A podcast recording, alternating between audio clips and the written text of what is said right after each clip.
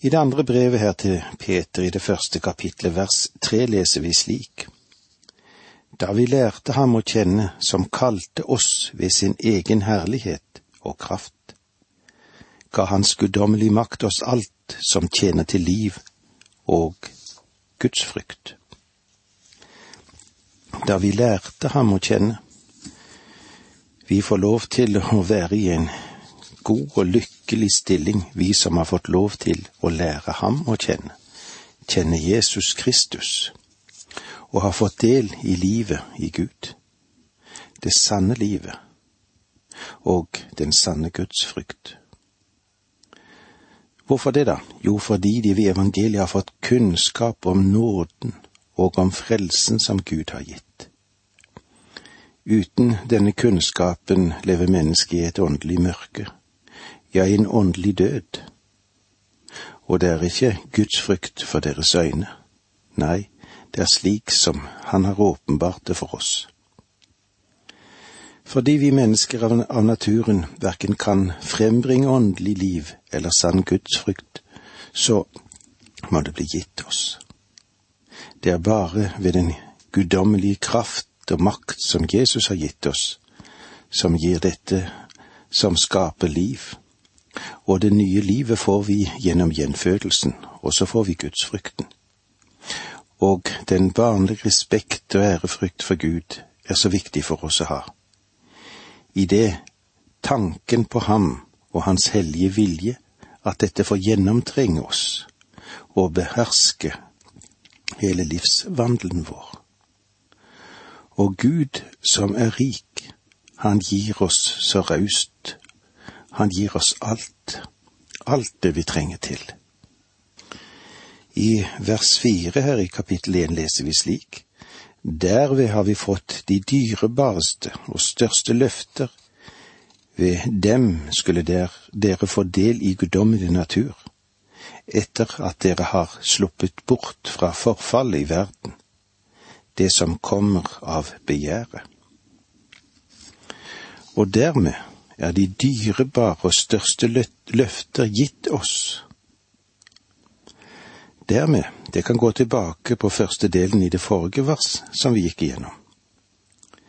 De har fått alt som tjener til liv og til Guds frykt. Og med dette så har de fått oppleve dyrebare løfter.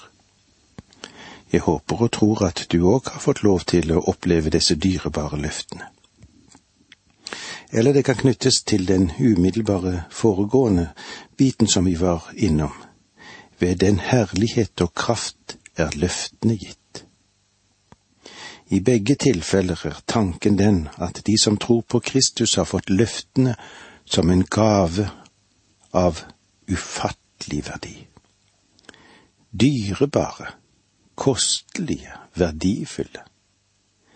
De er det fordi de, han som har lovt oss å få dette, han gir gode gaver med evig varighet.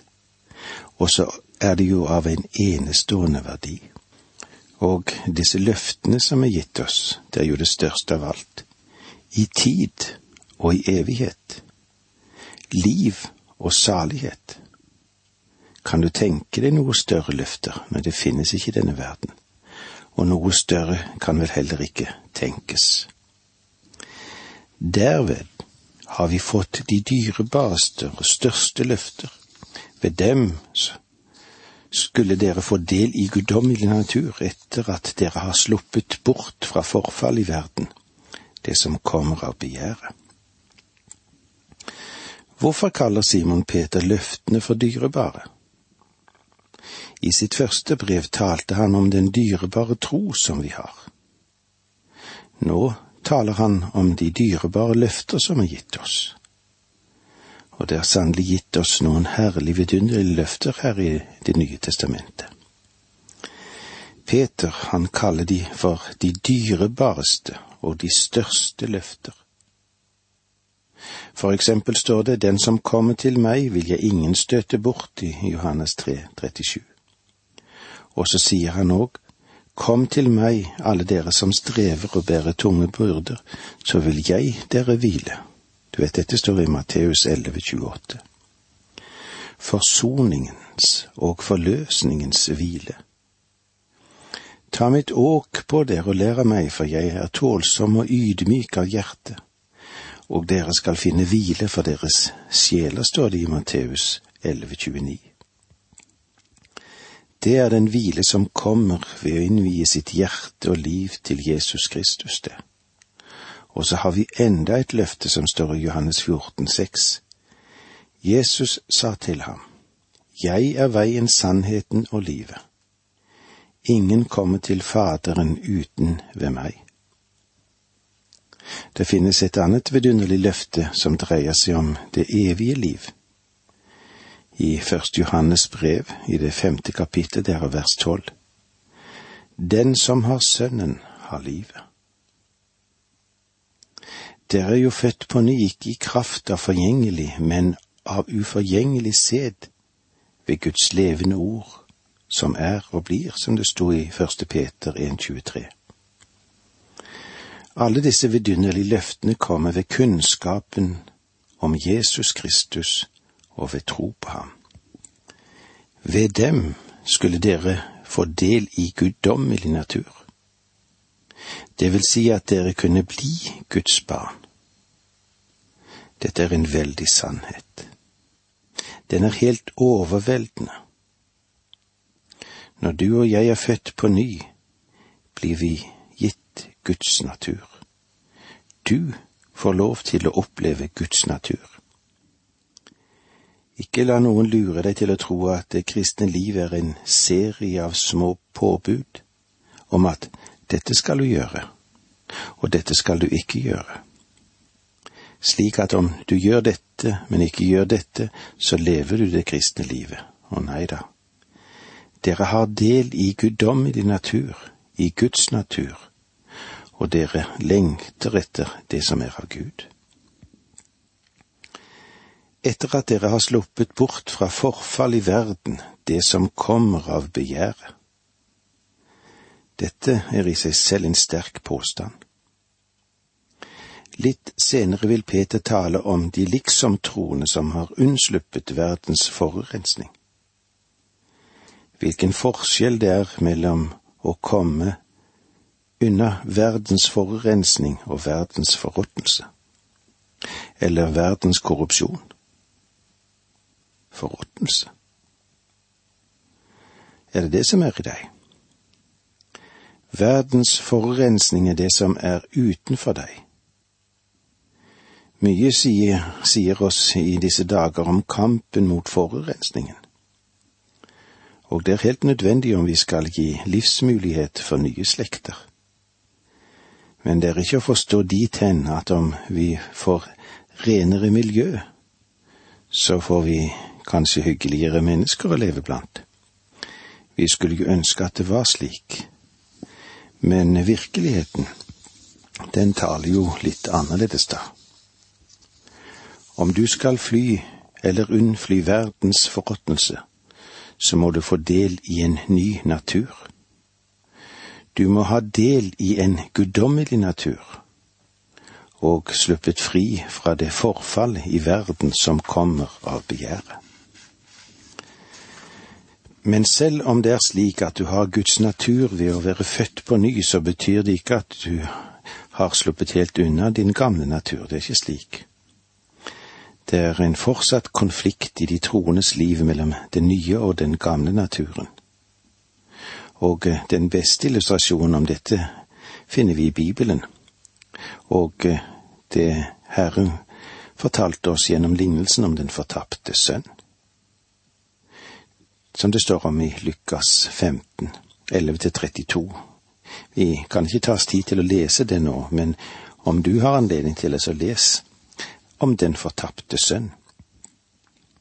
Legg merke til at sønnen kunne dra til et land langt borte fordi han fremdeles hadde den gamle naturen.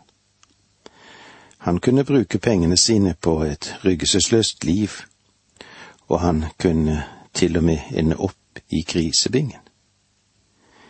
Men samtidig så ser du at han hadde del av farens natur. Og hans far og den måten han levde på, det var ikke slik som de gjorde i grisebingen. Hans far levde opp der, langt borte i et vidunderlig hjem. Hans far trodde på gudsfrykt og renhet, og her var nærende kost ved hans bord. Og denne kosten kan du òg få del i. Tenk igjennom hva du har fått av Gud.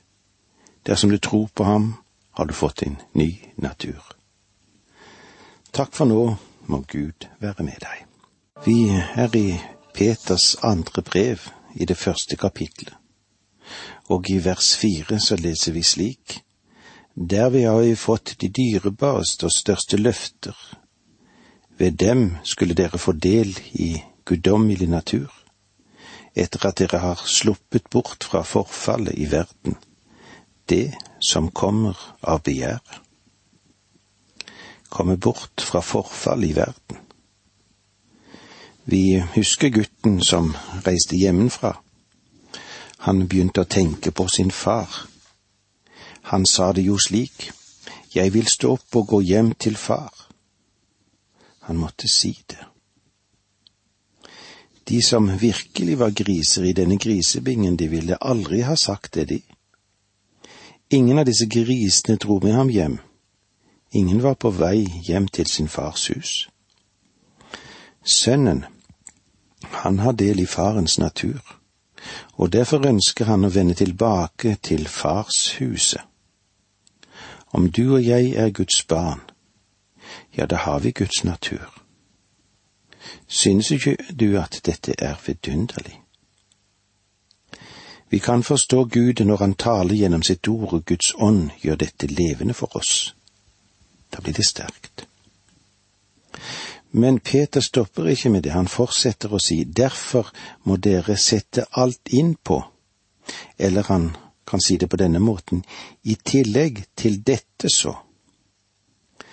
Det er som Simon Peter går utover det som er sagt i verset som vi hadde foran oss, og jeg føler nesten trang til å si til Simon Peter, hva i all verden er du vil legge til de løftene som er knyttet til den Herre Jesus Kristus? Og det faktum at vi har fått del i den guddommelige natur. Og jeg tror at Simon Peter ville ha svart vel, når du er kommet dit, så har du bare begynt. Det ligger mer og venter i den frelse som er din.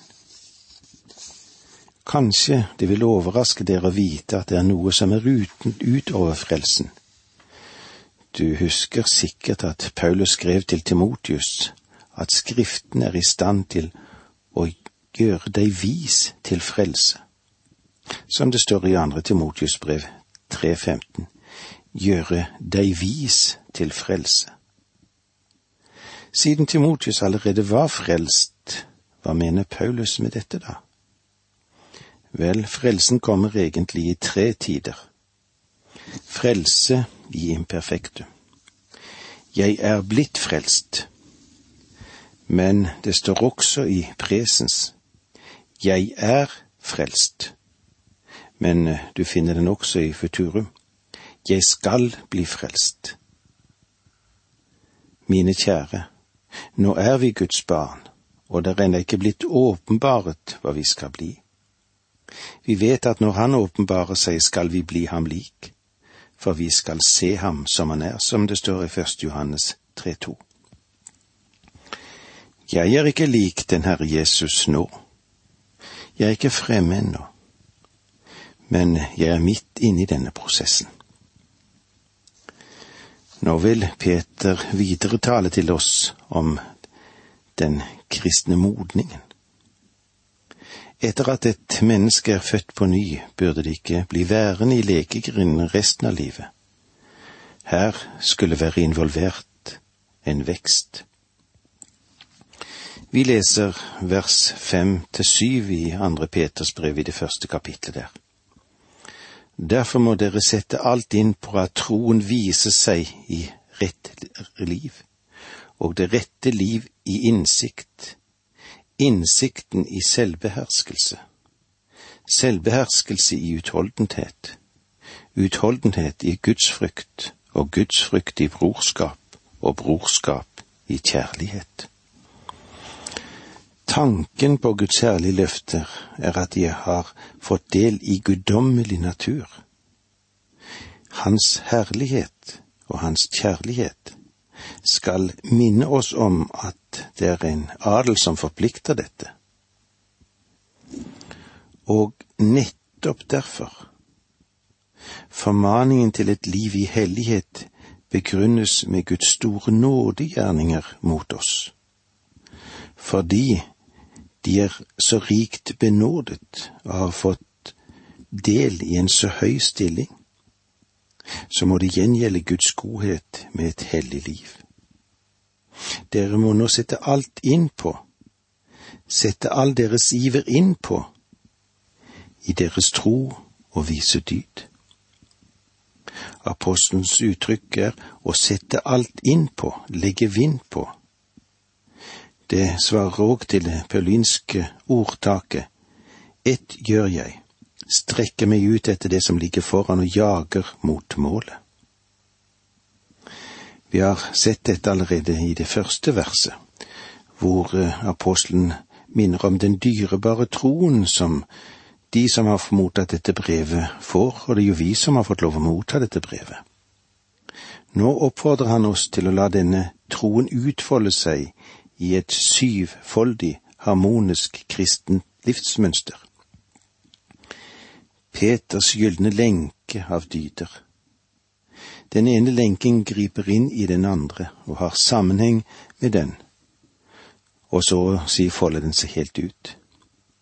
Her er sju juveler, og alle er knyttet til troen.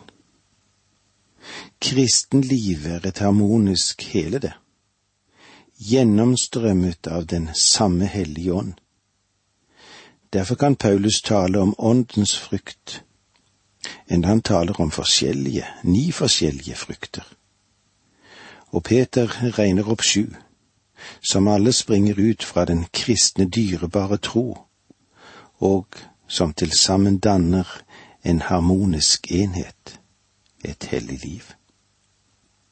Alle våre gaver til Gud og all vår tjeneste for Gud har sin grunn i troen.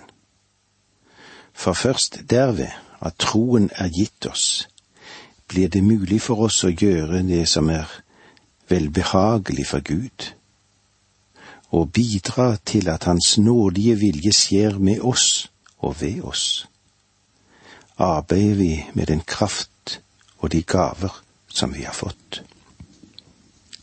Derfor må dere sette alt inn på at troen viser seg i rett liv, og det rette liv i innsikt, innsikten i selvbeherskelse, selvbeherskelse i utholdenhet, utholdenhet i gudsfrykt, gudsfrykten i brorskap og brorskap i kjærlighet.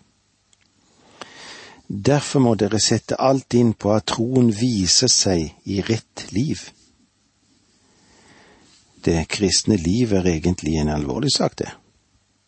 Men vi har av og til gjort det til en slags fritidssyssel. I for stor grad går tenkningen i retningen av at dette har ikke noe med vårt daglige liv og enkeltheter i dette livet å gjøre. Er det slik? Det er en søndagsaktivitet som vel kan være interessant for livet for øvrig. Men det må ikke komme i veien for det jeg ønsker. Men Peter han skriver at det er noe som vi skal sette alt inn på. Sette alt inn på. Når Peter lister opp alle disse dydene som skal springe frem fra vår kristne tro, så er det ikke en tilfeldig ønskeliste, dette. Det er heller slik at det kristne livet er i vekst.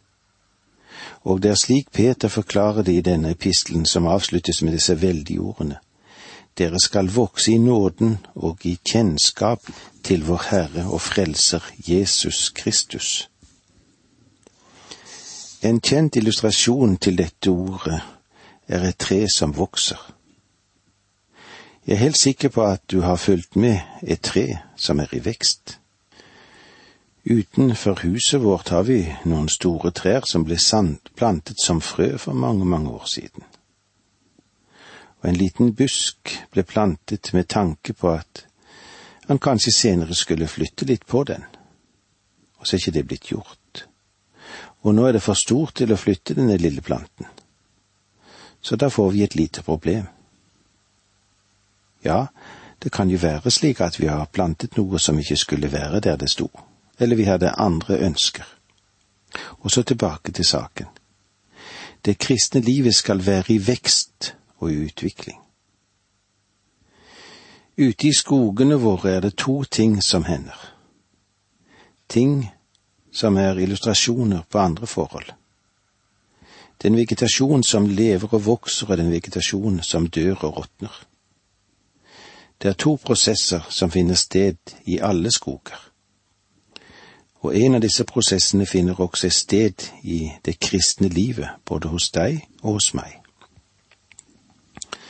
Om du er et Guds barn, da skal du vokse. Peter nevner her forskjellige tegn som skal karakterisere vår vokster. I begynnelsen hadde mitt lille tre svært så myke og svake greiner, men nå er det annerledes.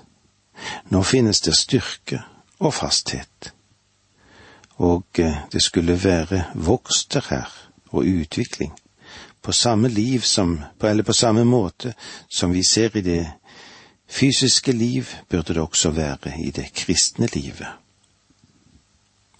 Peter begynner å si det på denne måten. Legg rett liv til troen. Og troen det er snakk om i denne sammenheng, er den frelsende tro som ga deg del i den guddommelige naturen.